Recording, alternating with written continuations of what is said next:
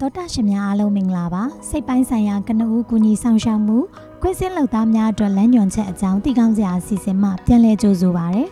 ခုအစီအစဉ်ကတော့စိတ်ပိုင်းဆိုင်ရာကနဦးကူညီဆောင်ရှောက်မှု psychological first aid အကြောင်းမြန်မာဘာသာနဲ့စီစဉ်တင်ဆက်ခြင်းအပိုင်း3ဖြစ်ပါတယ်ရှင်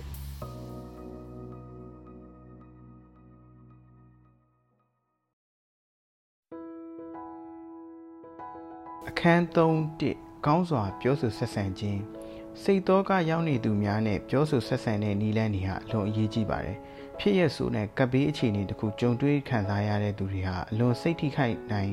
စိတ်ပူပန်နိုင်ပြီးတော့စိတ်ရှုပ်ထွေးနိုင်ပါတယ်။အချို့လူများဟာရေးပေါ်အခြေအနေဖြစ်ပျက်ခဲ့တဲ့ကိစ္စရပ်များနဲ့ပတ်သက်ပြီးတော့မိမိကိုယ်ကိုအပြစ်တင်ထားနိုင်ပါတယ်။ စိတ်တည်တည်ငြိမ်ငြိမ်နဲ့နားလည်မှုရှိအောင်ပြောခြင်းအဖြစ်စိတ်ဒုက္ခရောက်နေသူများကိုပို၍ဘေးကင်းတဲ့စိတ်ချလုံခြုံတဲ့နားလည်မှုရှိတဲ့အလေးထားတဲ့တင့်လျော်တဲ့စောင့်ရှောက်မှုတွေကိုရရှိစေနိုင်မယ်ဆိုတဲ့ခံစားချက်ကိုခံစားရနိုင်ပါတယ်။စိတ်တော့ကရောက်ဖွယ်ရာအဖြစ်အပျက်တစ်ခုနဲ့ကြုံတွေ့ခဲ့တဲ့သူတွေဟာမိမိတို့ရဲ့အဖြစ်အပျက်ကိုပြောပြခြင်းမှပြောပြပါလိမ့်မယ်။တစုံတဦးရဲ့အဖြစ်အပျက်ကိုနားထောင်ပေးခြင်းဟာကြီးမားတဲ့ပံ့ပိုးမှုတစ်ခုဖြစ်နိုင်တယ်။သို့တော်လည်းတစုံတဦးရဲ့၎ င်းတို့ကြုံတွေ့ခဲ့ရတဲ့အဖြစ်အပျက်တွေကိုအတင်းကျပ်ပြောပြခိုင်းခြင်းမျိုးကိုမပြုလုပ်မိဖို့လည်းအရေးကြီးပါတယ်။အချို့လူများဟာဖြစ်ပျက်ခဲ့တဲ့အကြောင်းအရာများကို၎င်း၎င်းတို့ရဲ့အခြေအနေကိုပြောပြခြင်းမှပြောပြပါလိမ့်မယ်။ဒီလိုအခြေအနေမှာသင်ဟာ၎င်းတို့အနားမှာတိတ်ဆိတ်နေပြီး၎င်းတို့စကားပြောလို့ရင်တော့၎င်းစားစရာရေးခဲ့တဲ့ရေးခဲ့သူလက်တွေ့ကြတဲ့ပံ့ပိုးမှုများကိုလိုအပ်ရင်တော့၎င်းကူညီပေးရန်သင်တို့ရှိနေတဲ့ဆိုတဲ့ အကြောင်းကိုသိစေရခြင်းကလည်း၎င်းတို့အနေနဲ့တန်မိုးထားမှာဖြစ်ပါတယ်။စကားလွန်ကြုံမပြောပါနဲ့တိတ်ဆိတ်စွာနေခွင့်ပေးပါ။တခဏတိတ်ဆိတ်နေခြင်းဟာလူတစ်ယောက်ရဲ့အချိန်တစ်ခုပေးပြီးဖြစ်ပြီး၎င်းတို့ဆန္ဒရှိပါကလည်းမျှဝေရန်တိုက်တွန်းပါ။ကောင်းစွာပြောဆိုဆက်ဆံနိုင်ရန်တင့်ရဲ့စကားလုံးများနဲ့ခန္ဓာကိုယ်အမူအရာတစ်ခုလုံးကိုတတိထားပါ။ဥပမာအခြားသူများနဲ့ဆက်ဆံတဲ့မျက်နှာအမူအရာမျက်လုံးချင်းဆက်သွယ်မှုကိုဟန်အမူအရာနဲ့၎င်းတို့ တည့်ရဲ့ထိုင်ပုံဒါမှမဟုတ်မတ်တရက်ပုံရင်ကျေးမှုတစ်ခုစီတိုင်းမှာစီလျော်တဲ့လေးစားမှုရှိကြောင်းပြသတဲ့ကိုယ်ပိုင် ပြုမှုနည်းလမ်းများနဲ့တည်တံ့ရှိပါတယ်။လူတစ်ယောက်ရဲ့ရင်ကျေးမှုအသက်အရွယ်ကြားမှတဘာဝဒလေးနဲ့ဒါသာရေးတို့ကိုထည့်သွင်းစဉ်းစားသည့်အမှုရာပုံစံမျိုးကိုပြောဆိုရပါမယ်။အောက်ပေါ်ပြပါအကြံပြုချက်တွေကတော့စကားပြောဆိုဆက်ဆံရမှာဆောင်ရန်ရှောင်ရန်တွေပဲဖြစ်ပါတယ်။အကူအညီစောင့်ရှောက်ပေးရမှာ အရေးကြီးဆုံးကတော့စိတ်ရင်းခံတဲ့ယူသားဖြူစင်မှုရှိရမယ်ဖြစ်ပါတယ်။ပြောဆိုလှုပ်ဆောင်ရမှာလိုက်နိုင်ရမယ့်အချက်တွေကတော့စကားပြောဆိုရဲ့အချိန်မှာပြင်ပအနောက်ရှက်တွေအနည်းဆုံးဖြစ်အောင်တိတ်ဆိတ်တဲ့နေရာတစ်ခုကိုရှာဖွေရပါမယ်။ကိုယ်လုံခြုံမှုကိုအလေးထားပြီးတော့လိုအပ်ပါကအခြားလူတစ်ယောက်ရဲ့အကြောင်းကိုလျှို့ဝှက်ထားပေးရပါမယ်။အနီးနားတွင်နေပါဒါပေမဲ့၎င်းတို့နဲ့အသက်အရွယ်ချားမတဘာဝနဲ့ယဉ်ကျေးမှုပေါ်မူတည်ပြီးတော့မိမိနဲ့သူကြားမှာအကာအကွယ်တစ်ခုရှိရပါမယ်။ တင်နားထောင်နေကြောင်းကိုသိရှိစေရပါမယ်။ဥပမာတင်ကောင်းညိတ်တာဒါမှမဟုတ်ရင်အင်းဟုပြောခြင်းတွေဖြစ်ပါတယ်။စိတ်ရှိရမှာမယ်တည်ငြိမ်မှုရှိရပါမယ်။တင်သိတဲ့သတင်းအကြောင်းအရာနဲ့မသိတဲ့သတင်းအကြောင်းအရာများနဲ့ပတ်သက်ပြီးတော့ယူသားရပါမယ်။ကျွန်တော်မသိပါဘူးဒါပေမဲ့ကျွန်တော်စူးစမ်းရှာဖွေပေးပါမယ်။လူတယောက်နားလည်တဲ့ပုံစံမျိုးဖြင့်အချက်အလက်များကိုရိုးရိုးရှင်းရှင်းပြောပြပေးနိုင်ရပါမယ်။၎ င်းတို့ခံစားနေရတဲ့ခံစားချက်များဆုံးရှုံးမှုများဒါမှမဟုတ်ရင်အိုးအိမ်ဆုံးရှုံးမှုချစ်ရသူများကိုဆုံးရှုံးမှု၎င်းနဲ့ကဲ့သို့အရေးကြီးတဲ့အကြောင်းအရာများကိုအတိမတ်ပြုရပါမယ်ကျွန်တော်စိတ်မကောင်းပါဘူးတင်းအတွက်အလွန်စိတ်နွမ်းနေစရာကောင်းတဲ့အခြေအနေလို့ကျွန်တော်ခံမှန်းမိပါတယ်လူတဦးရဲ့အားသာချက်များနဲ့မိမိကိုယ်ကိုမိမိစောင့်ရှောက်မှုပုံစံတွေကိုအတိမတ်ပြုရပါမယ်တိတ်ဆိတ်စွာနေဝင်ပြုရပါမယ်ပြောဆိုလုပ်ကံရမှာရှောင်ရမယ့်အချက်တွေကတော့လူတစ်ယောက်ဟာ၎င်းတို့ရဲ့ ဇက်ကြောင်းကိုအတင်းအကျပ်မပြောခိုင်းရပါဘူးလူတယောက်စကားပြောနေတဲ့အချိန်မှာဖြတ်မပြောပါနဲ့ဒါမှမဟုတ်ရင်အမြန်မပြောခိုင်းပါနဲ့ဥပမာတင့်နာရီကိုကြည်တဲ့ဟာမျိုးတွေဒါမှမဟုတ်ရင်စကားကိုမမြန်ပြောခြင်းတွေကိုမပြုလုပ်ပါနဲ့တင့်ညော်မှန်းမသိပဲနဲ့လူတယောက်ကိုမထိပါနဲ့၎င်းတို့လုပ်ခဲ့တဲ့ကိစ္စတွေပေါ်၎င်းမလုပ်ခဲ့တဲ့ကိစ္စတွေပေါ်၎င်း၎င်းတို့ခံစားနေရတဲ့အခြေအနေတွေကို မဝေဖန်ပါနဲ့ရှောင်ရမယ့်ပြောပြောဆိုမှုပုံစံတွေကတော့တင်ဒီလိုမခံစားသင့်ဘူးတင်ကန်ကောင်းတဲ့အသက်ရှင်နေတယ်လို့တွေးတင်တယ်လို့ပြောရမျိုးတွေဖြစ်ပါတယ်တင်မသိတဲ့ကိစ္စတွေကိုဖန်တီးပြီးပြောဆိုခြင်းမပြုပါနဲ့ပညာရက်ဆန်လွန်းတဲ့အသုံးအနှုန်းတွေကိုလည်းမသုံးပါနဲ့အခြားသူတွေရဲ့အဖြစ်အပျက်တွေကိုလည်းမပြောပြပါနဲ့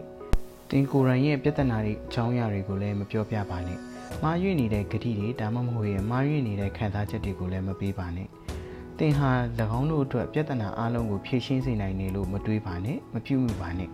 လူတစ်ယောက်ရဲ့အားသာချက်နဲ့မိမိဘာသာစောင့်ရှောက်နိုင်တဲ့အတီးစိတ်တို့ကိုလည်းဖယ်ရှားမပစ်ပါနဲ့လူအများအကြောင်းပြောတဲ့အချိန်မှာအစိုးမြင်တဲ့အသုံးအနှုန်းတွေကိုမသုံးပါနဲ့ဥပမာအနေနဲ့၎င်းတို့ဟာအယူဒါမှမဟုတ်ရင်အပေါ်ဆတဲ့အသုံးအနှုန်းတွေကိုမခေါ်မိပါစေနဲ့3တက်သမနဲ့ပြင်ဆင်ပါအခြေအနေကိုလေ့လာပါပြင်ဆင်ပါဖြစ်ရဆိုးနဲ့ပတ်သက်ပြီးတော့လေ့လာပါ ရနိုင်သမျှသောဝန်ဆောင်မှုတွေနဲ့ပံ့ပိုးမှုအကြောင်းတွေကိုလေ့လာပါဘေးရန်ရဲ့ကင်းရှင်းရေးလုံခြုံရေးပြဿနာတွေကိုလေ့လာပါဖြစ်ရဆိုးတွေဟာကတောင်းကနင်းဖြစ်နိုင်ပြီးအရေးပေါ်လှုပ်ဆောင်မှုအတွက်လိုအပ်ပါတယ်ဒါပေမဲ့ဖြစ်နိုင်မယ်ဆိုရင်အရေးပေါ်အခြေအနေဖြစ်ရာနေရာတစ်ခုကိုမသွားခင်မှာဒီအခြေအနေနဲ့ပတ်သက်ပြီးတော့တိကျတဲ့အချက်လက်တွေကိုရရှိအောင်ကြိုးစားပါအခုဖော်ပြမဲ့မိကုန်းတွေကိုစဉ်းစားကြည့်ပါအရေးပေါ်အခြေအနေအဲ့တော့ဘာတွေဖြစ်ခဲ့တယ်လဲ ဘယ်နေရာဘယ်အချိန်မှာဖြစ်ပွားခဲ့တယ်လဲလူပေါင်းဘယ်လောက်ထိခိုက်ခံရနိုင်ပွဲရှိပြီးတော့သူတို့တွေကဘယ်သူတွေလဲရရှိနိုင်တဲ့ဝန်ဆောင်မှုတွေနဲ့ပံ့ပိုးမှုတွေ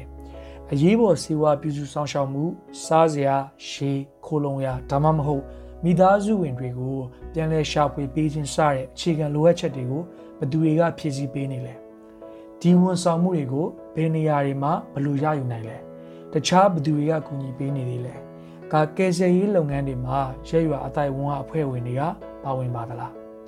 ဘေးအန္တရာယ်ကင်းရှင်းရေးလုံခြုံရေးပြဿနာများ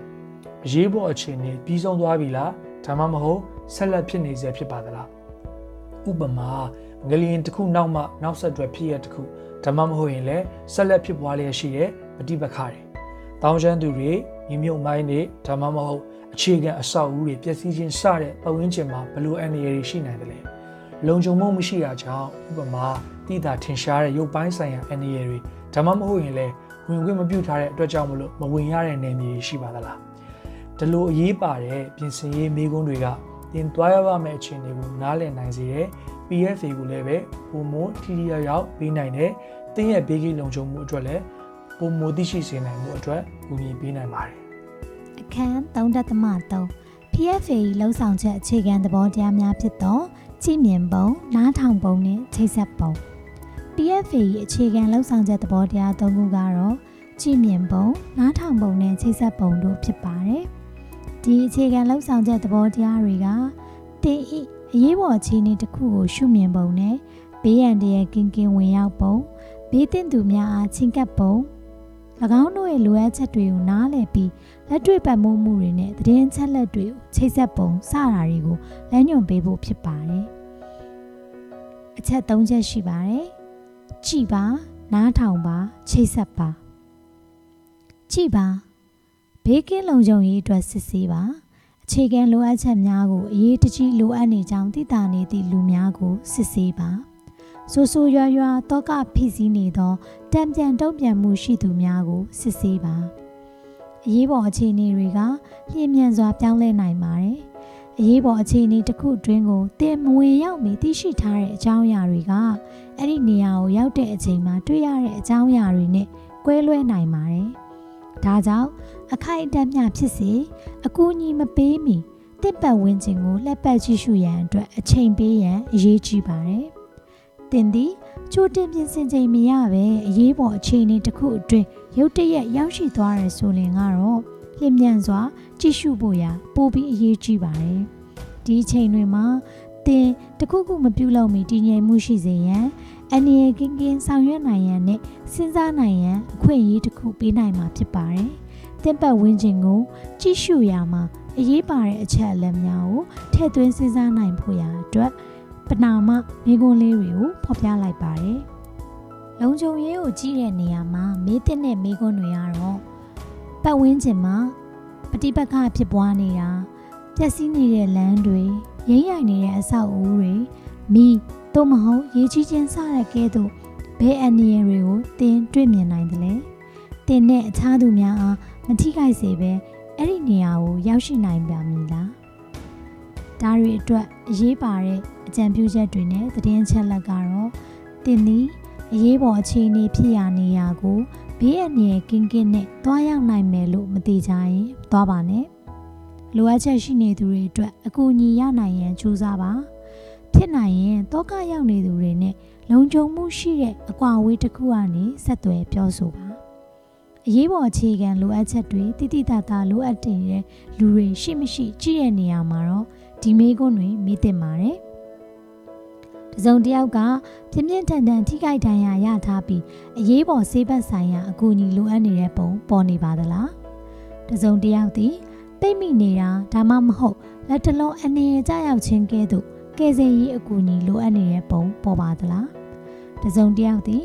ရာသီဥတုဒဏ်ကကာကွယ်ပေးရန်စုပ်ပြဲနေသောအဝတ်စားတွေကဲ့သို့အရေးပေါ်အခြေခံလိုအပ်ချက်တွေတိတိတသာလိုအပ်နေပါသလား ခွဲခြားဆက်ဆံခံရခြင်းနဲ့အကြမ်းဖက်ခံရခြင်းတို့ကနေကာကွယ်ပေးရန်အခြေခံဝန်ဆောင်မှုတွေနဲ့အထူးဂရုစိုက်မှုတွေရရှိရန်အတွက်ဘယ်သူတွေအကူအညီလိုအပ်နေသလဲတခြားဘယ်သူတွေရောကျွန်ုပ်အားကူညီပေးနိုင်မလဲဆိုတဲ့မေးခွန်းတွေမေးသင့်ပါတယ်ဒါတွေနဲ့ပတ်သက်ပြီးတည်တဲ့အရေးပေါ်သတင်းအချက်လက်တွေနဲ့အကြံပြုချက်တွေကတော့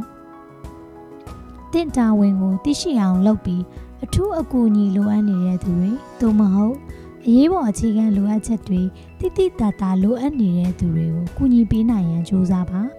ဆူဆူရွာရွာထိခိုက်ဒဏ်ရာရသူတွေကိုစေဘက်ဆိုင်ရာဝန်ထမ်းတွေဒါမှမဟုတ်ရင်ရှေးဥဒနာပြုစုတွေကျွမ်းကျင်တတ်မြောက်တဲ့တခြားသူတွေကိုလွှဲပေးပါဆူဆူရွာရွာတော့ကဖြစ်စည်းနေတဲ့တုံ့ပြန်မှုတွေရှိတဲ့လူတွေကိုကြည့်တဲ့နေရာမှာတော့ဒီမေးခွန်းတွေမေးတင်ပါတယ် အလိုအမင်းစိတ်ထိခိုက်နေတဲ့မိမိဘာသာမလှုပ်ရှားနိုင်တဲ့တခြားသူတွေကိုတုံ့ပြန်မပြောဆိုနိုင်တာဒါမှမဟုတ်တုံ့လှုပ်ခြောက်ခြားနေတဲ့လူတွေများရှိသလားစိတ်တော့ကအရောက်ဆုံးသူတွေကဘသူတွေများဖြစ်ပြီးတော့ဘယ်နေရာမှာများရှိနေပါသလဲဒီလိုအခြေအနေမှာတတိထားတဲ့အရေးပေါ်တဲ့အချက်လက်အနေနဲ့ကတော့ဘယ်သူတွေက PFA ကြောင့်အကျိုးကျေးဇူးရရှိနိုင်ပြီး အကောင်းဆုံးကူညီပေးနိုင်မလဲဆိုတဲ့နည်းလမ်းတွေကိုစဉ်းစားပါလူတွေကအရေးပေါ်အခြေအနေတစ်ခုခုကိုနည်းလမ်းအမျိုးမျိုးနဲ့တုံ့ပြန်နိုင်ပါတယ်အရေးပေါ်အခြေအနေပေါ်စိတ်သောကရောက်စွာနဲ့တုံ့ပြန်ပုံနမူနာတွေကတော့အောက်ပါအတိုင်းဖြစ်ပါတယ်ရုပ်ပိုင်းဆိုင်ရာလက္ခဏာများဥပမာတုံနေခြင်းခေါင်းကိုက်ခြင်းအလွန်ပင်ပန်းနေသည်ဟုခံစားရခြင်းအစားစားခြင်းစိတ်မရှိခြင်း နာကျင်ကြိုက်ခဲခြင်းငိုနေခြင်းဝမ်းနည်းနေခြင်းစိတ်တက်ကြခြင်းပူဆွေးခြင်းပူပင်တော့ကကြောက်ရွံ့ခြင်းတတိနဲ့နေခြင်းသို့မဟုတ်ကြောက်ရွံ့နေခြင်းမကောင်းသောဖြစ်ရတစ်ခုဖြစ်တော်မည်ဟုစိုးရိမ်ပူပန်ခြင်းအိမ်မပျော်ခြင်းအိမ်မဆိုးမှတ်ခြင်းစိတ်ဆိုးခြင်းဒေါသထွက်ခြင်းအဖြစ်ရှိသည်ဟုခံစားရခြင်းရှက်ရွံ့ခြင်းဥပမာအ သက်ရှင်ကြံရစ်ခဲ့ခြင်းကြောင့်သို့မဟုတ်အခြားသူများကိုမကူညီမိခြင်းကြောင့်သို့မဟုတ်မကယ်တင်ခဲ့မိခြင်းကြောင့်စိတ်ရှုပ်ထွေးခြင်းစိတ်ခံစားချက်ကြောင့်ဆွတ်အားသွားခြင်းသို့မဟုတ်အဖြစ်မှန်ကိုမခံစားမိခြင်းသို့မဟုတ်တွေးဝေသွားခြင်းအထီးကျန်နေဟန်ရှိခြင်းသို့မဟုတ်မှင်သက်ဝင်သွားခြင်းအခြားသူတွေကိုတုံ့ပြန်မှုမရှိခြင်းစကားလုံးဝမပြောခြင်း စဉ်းစားမရဖြစ်ခြင်းဥမာမိမိအမည်ကိုပင်မမှတ်မိတော့ပဲ၎င်းတို့မြည်သည့်နေရာမှလာသည်ညီတို့ဖြစ်ပျက်ခဲ့သည်တို့ကိုမသိရှိခြင်းမိမိကိုယ်ကိုသို့မဟုတ်မိမိတို့၏ကလေးများကိုမဆောင်ရှောက်နိုင်ခြင်းဥပမာမစားတော့ခြင်းရိုးရိုးရှင်းရှင်းဆုံးဖြတ်ချက်မျိုးကိုပဲမချမှတ်နိုင်ခြင်းချို့လူတွေကတော့အနှဲငယ်လောက်သာစိတ်တော့ကရောက်နိုင်ပေမဲ့တချို့လူတွေကတော့ပြန်ပြီးတော့ အချိန်ကြာလာတာနဲ့အမျှပြန်လည်အဆင်ပြေလာမှာဖြစ်ပါတယ်။အထူးသဖြင့်၎င်းတို့ရဲ့အခြေခံလိုအပ်ချက်တွေပြန်လည်ရရှိလာပြီး၎င်းတို့အနည်းဝန်းကျင်မှာလူတွေရဲ့အကူအညီကဲ့သို့သောပတ်မိုးမှုများနဲ့ psychological first aid တွေရရှိလျင်အမြန်ပြန်ပြီးတော့အဆင်ပြေလာမှာဖြစ်ပါတယ်။ဒါပေမဲ့ပြင်းထန်တဲ့ဒါမှမဟုတ်ကာလရှည်ကြာတဲ့စိတ်သောကဖိစီးတဲ့တံပြန်တုံ့ပြန်မှုရှိသူတွေမှာ PFA အပြင်အခြားပတ်မိုးမှုတွေလည်းပုံမလိုအပ်နိုင်ပါတယ်။အထူးသဖြင့်၎င်းတို့၏နေ့စဉ်ဘဝမှာကောင်းစွာလုပ်ငန်းဆောင်ရွက်နိုင်ခြင်းမရှိရင်ဒါမှမဟုတ်မိမိကိုယ်ကိုဒါမှမဟုတ်တခြားသူတွေကိုအန္တရာယ်ဖြစ်နိုင်ရင်ပို့ပြီးတော့လိုအပ်ပါတယ်။ဆူဆူရွရွတော့ကားရောက်နေတဲ့သူတွေကိုတူးရဲမထားခဲ့ရတဲ့၎င်းတို့ရဲ့တံပြန်တုံ့ပြန်မှုတွေပြေလျော့သွားတဲ့အချိန်ထိဒါမှမဟုတ်လည်းကျမရဲ့ဝန်ထမ်းတွေဒေသကောင်းဆောင်၎င်းနယ်မြေမှာရှိတဲ့ ရဲရွာအတိုင်းအဝန်အဖွဲ့ဝင်တွေထံကအကူအညီတွေရရှိချိန်အထိ၎င်းတို့ကိုအနည်းငယ်ကင်းအောင်စောင့်ရှောက်ထားပါဒါအပြင်ဘေးသင့်တဲ့သူတွေကြားမှာစောင့်ရှောက်ရတဲ့ဘေးကင်းလုံခြုံရေးအတွက်အထူးဂရုစိုက်မှုပုံမလိုအပ်လျက်ရှိလာကြည့်ပါအရေးပေါ်အခြေအနေတွင်အထူးစောင့်ရှောက်မှုလိုအပ်နိုင်သူများစေကြောတက်များအပါအဝင်ကလေးသူငယ်များအထူးသဖြင့်မိမိတို့ကိုစောင့်ရှောက်မှုပေးသူများနဲ့ ကွဲကွာခဲ့ရသူများအားအနိုင်ကျင့်ခံရခြင်းနဲ့အမျက်ထုတ်ခံရခြင်းတို့မှကာကွယ်ပေးရန်လိုအပ်နိုင်သည်၎င်းတို့အား၎င်းတို့အနီးဝန်းကျင်ရှိလူများ၏စောင့်ရှောက်မှုနှင့်၎င်းတို့၏အခြေခံလိုအပ်ချက်များပြည့်ဝစေမည့်အကူအညီများလည်းလိုအပ်နိုင်သည်ကျန်းမာရေးပြဿနာရှိသူများသို့မဟုတ်ရုပ်ပိုင်းစိတ်ပိုင်းချွတ်ယွင်းချက်ရှိသူများသည်လုံခြုံသောနေရာတစ်ခုရောက်ရှိရန်အနိုင်ကျင့်ခံရခြင်းမှကာကွယ်ရရန် ဆေးဘက်ဆိုင်ရာဆောက်ရှောက်မှုများနှင့်အခြားဝန်ဆောင်မှုများရရှိရန်အထူးအကူအညီများလိုအပ်နိုင်ပါသည်၎င်းတို့တွင်အင်အားကြီးနေနေသောတက်ကြီးရွယ်ဦးများကိုဝင်ဆောင်မျိုးသမီးများပြင်းထန်သောစိတ်ဝေဒနာရှင်များသို့မဟုတ်အမြင်အာရုံကြားအာရုံချို့ယွင်းချက်ရှိသူများပါဝင်နိုင်ပါသည်မျိုးသမီးများသို့မဟုတ်အချို့လူမျိုးစုအုပ်စုများကဲ့သို့ခွဲခြားဆက်ဆံခံရနိုင်သည့် သို့မဟုတ်အကြမ်းဖက်ခံရနိုင်သည့်သူများသည်အရေးပေါ်ဖြစ်ပေါ်နေသည့်ပတ်ဝန်းကျင်တစ်ခုတွင်လုံခြုံမှုရှိရန်နှင့်ရရှိနိုင်သမျှသောအကူအညီများရနိုင်ရန်အတွက်အထူးကာကွယ်မှုများလိုအပ်ပါသည်ကြည့်ပါပြီးတော့နားထောင်ပါနားထောင်ပါဆိုတဲ့နေရာမှာပံ့ပိုးမှုလိုအပ်နေသူများကိုချင်းကပ်ပါလူအများ၏လိုအပ်ချက်တွေနဲ့ပြဿနာတွေကိုမေးမြန်းပါ လူများပြပြသည်ကိုနားထောင်ပြီး၎င်းတို့စိတ်တည်ငြိမ်သွားစေရန်ကူညီပေးပါ။တင်ကူညီပေးနေသူများ၏ပြောစကားတွေကိုတည်တည်ချာချာနားဆိုင်ထောင်ခြင်းဟာ၎င်းတို့စိတ်အေးအေးထားနိုင်အောင်ကူညီပေးရန်တင့်လျော်သောကူညီမှုများပေးနိုင်ရန်တို့အတွက်၎င်းတို့၏အခြေအနေလိုအပ်ချက်တွေကိုနားလည်စေဖို့ရန်မရှိမဖြစ်လိုအပ်ပါတယ်။အောက်ပါအချက်လက်တွေနဲ့နားထောင်နိုင်ရန်သင်ယူပါ။မျက်လုံး ဤပုဂ္ဂိုလ်ပေါ်တင်ဤအာယုံစုဆိုင်မှုအပြည့်အဝပေးခြင်းနာ၎င်းတို့၏ပြဿနာများကိုအမှန်တကယ်နားထောင်ခြင်းနှလုံးသားဂရုတစိုက်နားထောင်ပြီးလေးစားမှုရှိကြောင်းပြခြင်းနံပါတ်1ပံ့ပိုးမှုလိုအပ်နေသူများကိုချင်းကပ်ပါလူများအား၎င်းတို့ယဉ်ကျေးမှုအလိုက်လေးလေးဆဆဖြင့်ချင်းကပ်ဆက်ဆံပါ တင်အမည်အဖွဲ့အစည်းတို့ကိုပြောပြပြီးမိမိကိုယ်ကိုမိတ်ဆက်ပါတင်အကူအညီပေးရမည်လားဟုမေးပါဖြစ်နိုင်မှာကစကားပြောရန်လုံခြုံမှုရှိပြီးတိတ်ဆိတ်တဲ့နေရာတစ်ခုကိုရှာပါထိုသူအားစိတ်တက်တောင့်တက်တာရှိစေရန်ကူညီပေးပါဥပမာရနိုင်ရင်ရေတစ်ခွက်တိုက်ပါထိုသူအားဘေးကင်းလုံခြုံအောင်ထားနိုင်ရန်ကြိုးစားပါ အနည်းငယ်ကင်းကင်းနဲ့လုံနိုင်မယ်ဆိုပါကလက်တလုံးကြရောက်နိုင်တဲ့ဘေးရန်တရားအနေဖယ်ရှားပေးပါ၎င်းတို့၏ကိုယ်ရေးလုံခြုံမှုနဲ့ဂုဏ်သိက္ခာတို့အတွက်ထို့သူအားမီဒီယာများနဲ့ထိတွေ့မှုမှာကာကွယ်ပေးနိုင်ရန်ကြိုးစားပါထို့သူမှာအလွန်စိတ်တော့ကရောက်နေသည်ဆိုရင်၎င်းတို့ကြီးတီးတန့်ဖြစ်မနေစေရန်ပြုလုပ်ပေးပါနံပါတ်1လူများ၏လိုအပ်ချက်တွေနဲ့ပြဿနာတွေကိုမေးမြန်းပါစောင်း ဒါမှမဟုတ်အဝတ်စားတွေစုပ်ခဲနေသောကြောင့်အကာအကွယ်တစ်ခုခုလိုအပ်ခြင်းမျိုးကဲ့သို့အချို့အချက်လက်တွေဟာတိတိတသားလိုအပ်နေပေမဲ့လည်းလူတွေကို၎င်းတို့ဘာတွေကိုလိုအပ်တယ်ဘာတွေပူပင်နေရဆိုတာကိုအမြဲတမ်းမေးမြန်းပါ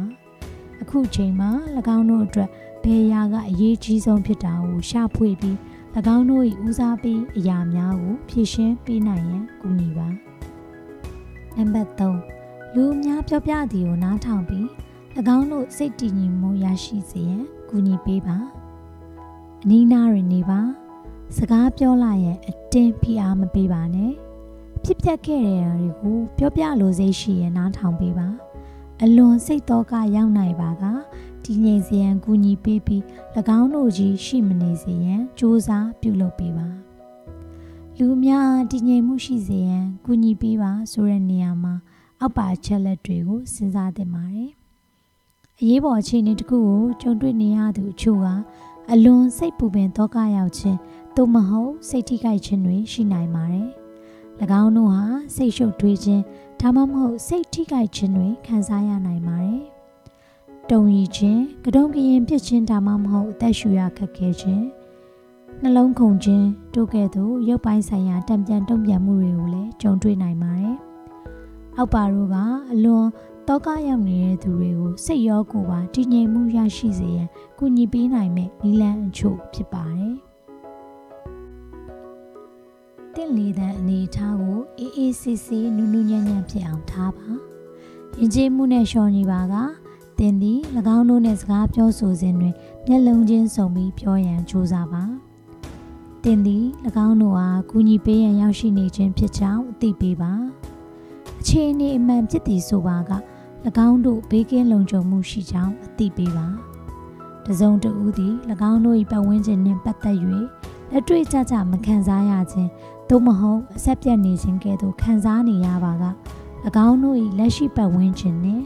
၎င်းတို့အားဆက်သွယ်မိစေရန်ကူညီပေးနိုင်ပါတယ်။၎င်းတို့အားအောက်ပါချက်လက်တွေကိုပြုလုပ်ရန်ခိုင်းစေခြင်းဖြင့်စူးစမ်းကြည့်ပါ။၎ င်းတို့၏ခြေဘဝကိုချမ်းမြေမော်ချ၍ခံစားကြည့်စေပါ။၎င်းတို့၏လက်ချောင်းများသို့မဟုတ်လက်များကို၎င်းတို့၏ပေါင်အားပုတ်ကြည့်စေပါ။၎င်းတို့ပတ်ဝန်းကျင်ရှိစိတ်သက်သာစေမည့်အရာများကိုတတိပြုခိုင်းကြည့်ပါဥပမာ၎င်းတို့မြင်နိုင်သောကြားနိုင်သောသို့မဟုတ်ခံစားရတဲ့အရာတွေ၎င်းတို့မြင်ရကြားရတဲ့အရာတွေကိုပြောပြခိုင်းပါ၎င်းဟာ မိမိအသက်ရှူပုံကိုအာယုံဆိုင်ရန်နဲ့အသက်ကိုဖြည့်ညင်းစွာရှူရန်တိုက်တွန်းပါကြည်ပါနားထောင်ပါပြီးတော့ချိတ်ဆက်ပါ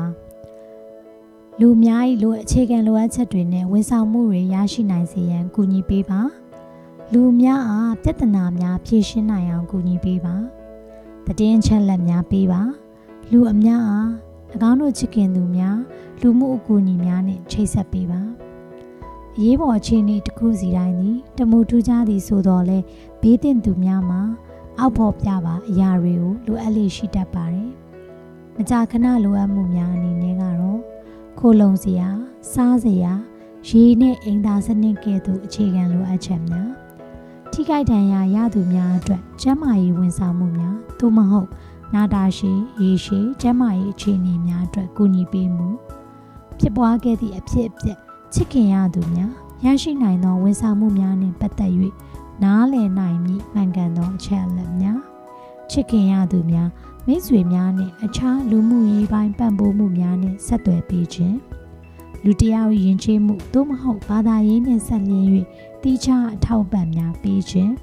တင့်သိမ့်ဆွေးနွေးခြင်းနှင့်ရေးပါသောဆုံးဖြတ်ချက်များတွင်ပါဝင်ခွင့်ရခြင်းလူများသည်စိတ်တော့ကရောက်ဖွယ်အဖြစ်ပြက်တစ်ခု ကြုံတွေ့ပြီးရနော်ထိခိုက်လွယ်ခြင်းအထီးကျန်ခြင်းသို့မဟုတ်လုံနိုင်စွမ်းမရှိတော့ခြင်းများခံစားရနိုင်ပါတယ်အဲ့ဒီအခြေအနေတွေမှာ၎င်းတို့ရဲ့နေ့စဉ်ဘဝကိုဖျို့ဖျဲဖြစ်သွားစေနိုင်ပါတယ်၎င်းတို့ရဲ့ပုံမှန်ပတ်မှုမှုတွေကိုမရရှိနိုင်ဖြစ်တတ်တယ်။ဒါမှမဟုတ်ရင်၎င်းတို့ကစိတ်တော့ကားရောက်ဖွယ်အခြေအနေများကိုရုတ်တရက်ရောက်ရှိသွားကြောင်း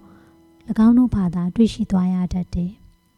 လူများလက်တွေ့ပတ်မှုမှုများနဲ့ချိတ်ဆက်ပြီးခြင်းသည် PFA ၏အဓိကအစိပ်ပိုင်းတစ်ရပ်ဖြစ်ပါတယ်။ PFA ဆိုတာဟာတစ်ကြိမ်တည်းသောချောင်းဝင်ဖြန့်ပြေမှု ဖြစ်တတ်တာဖြစ်တဲ့အတွက်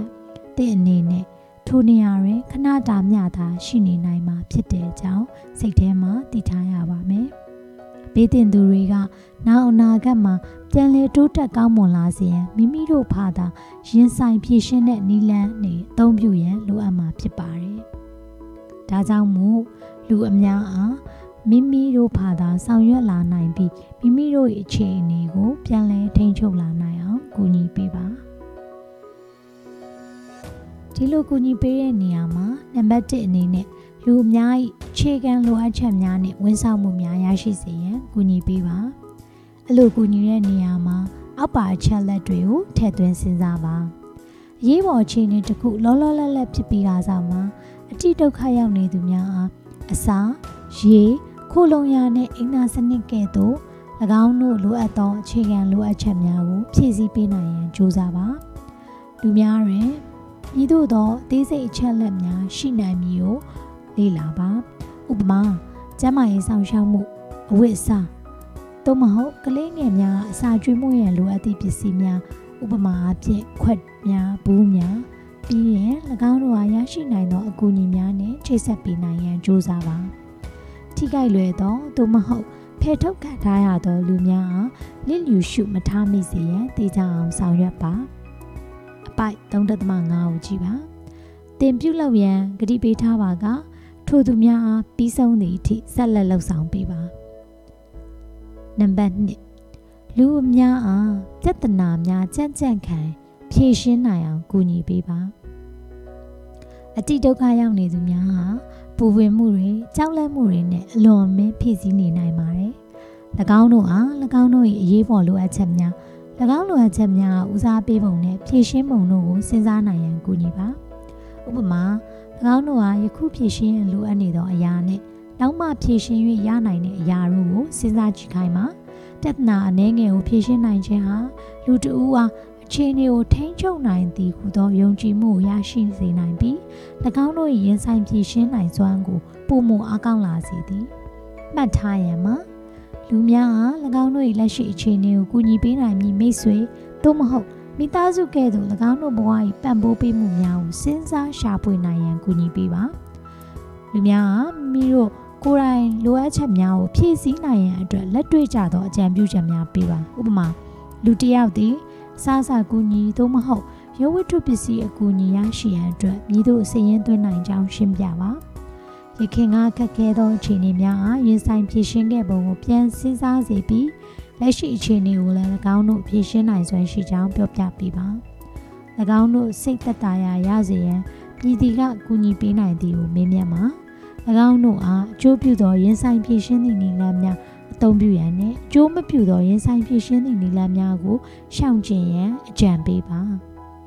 PFA ပေးသောသူတယောက်အနေနဲ့အကျိုးပြုတဲ့ရင်ဆိုင်ဖြည့်ရှင်းတဲ့နည်းလမ်းတွေကိုအားပေးပါပြပြဝဝအနားယူပါ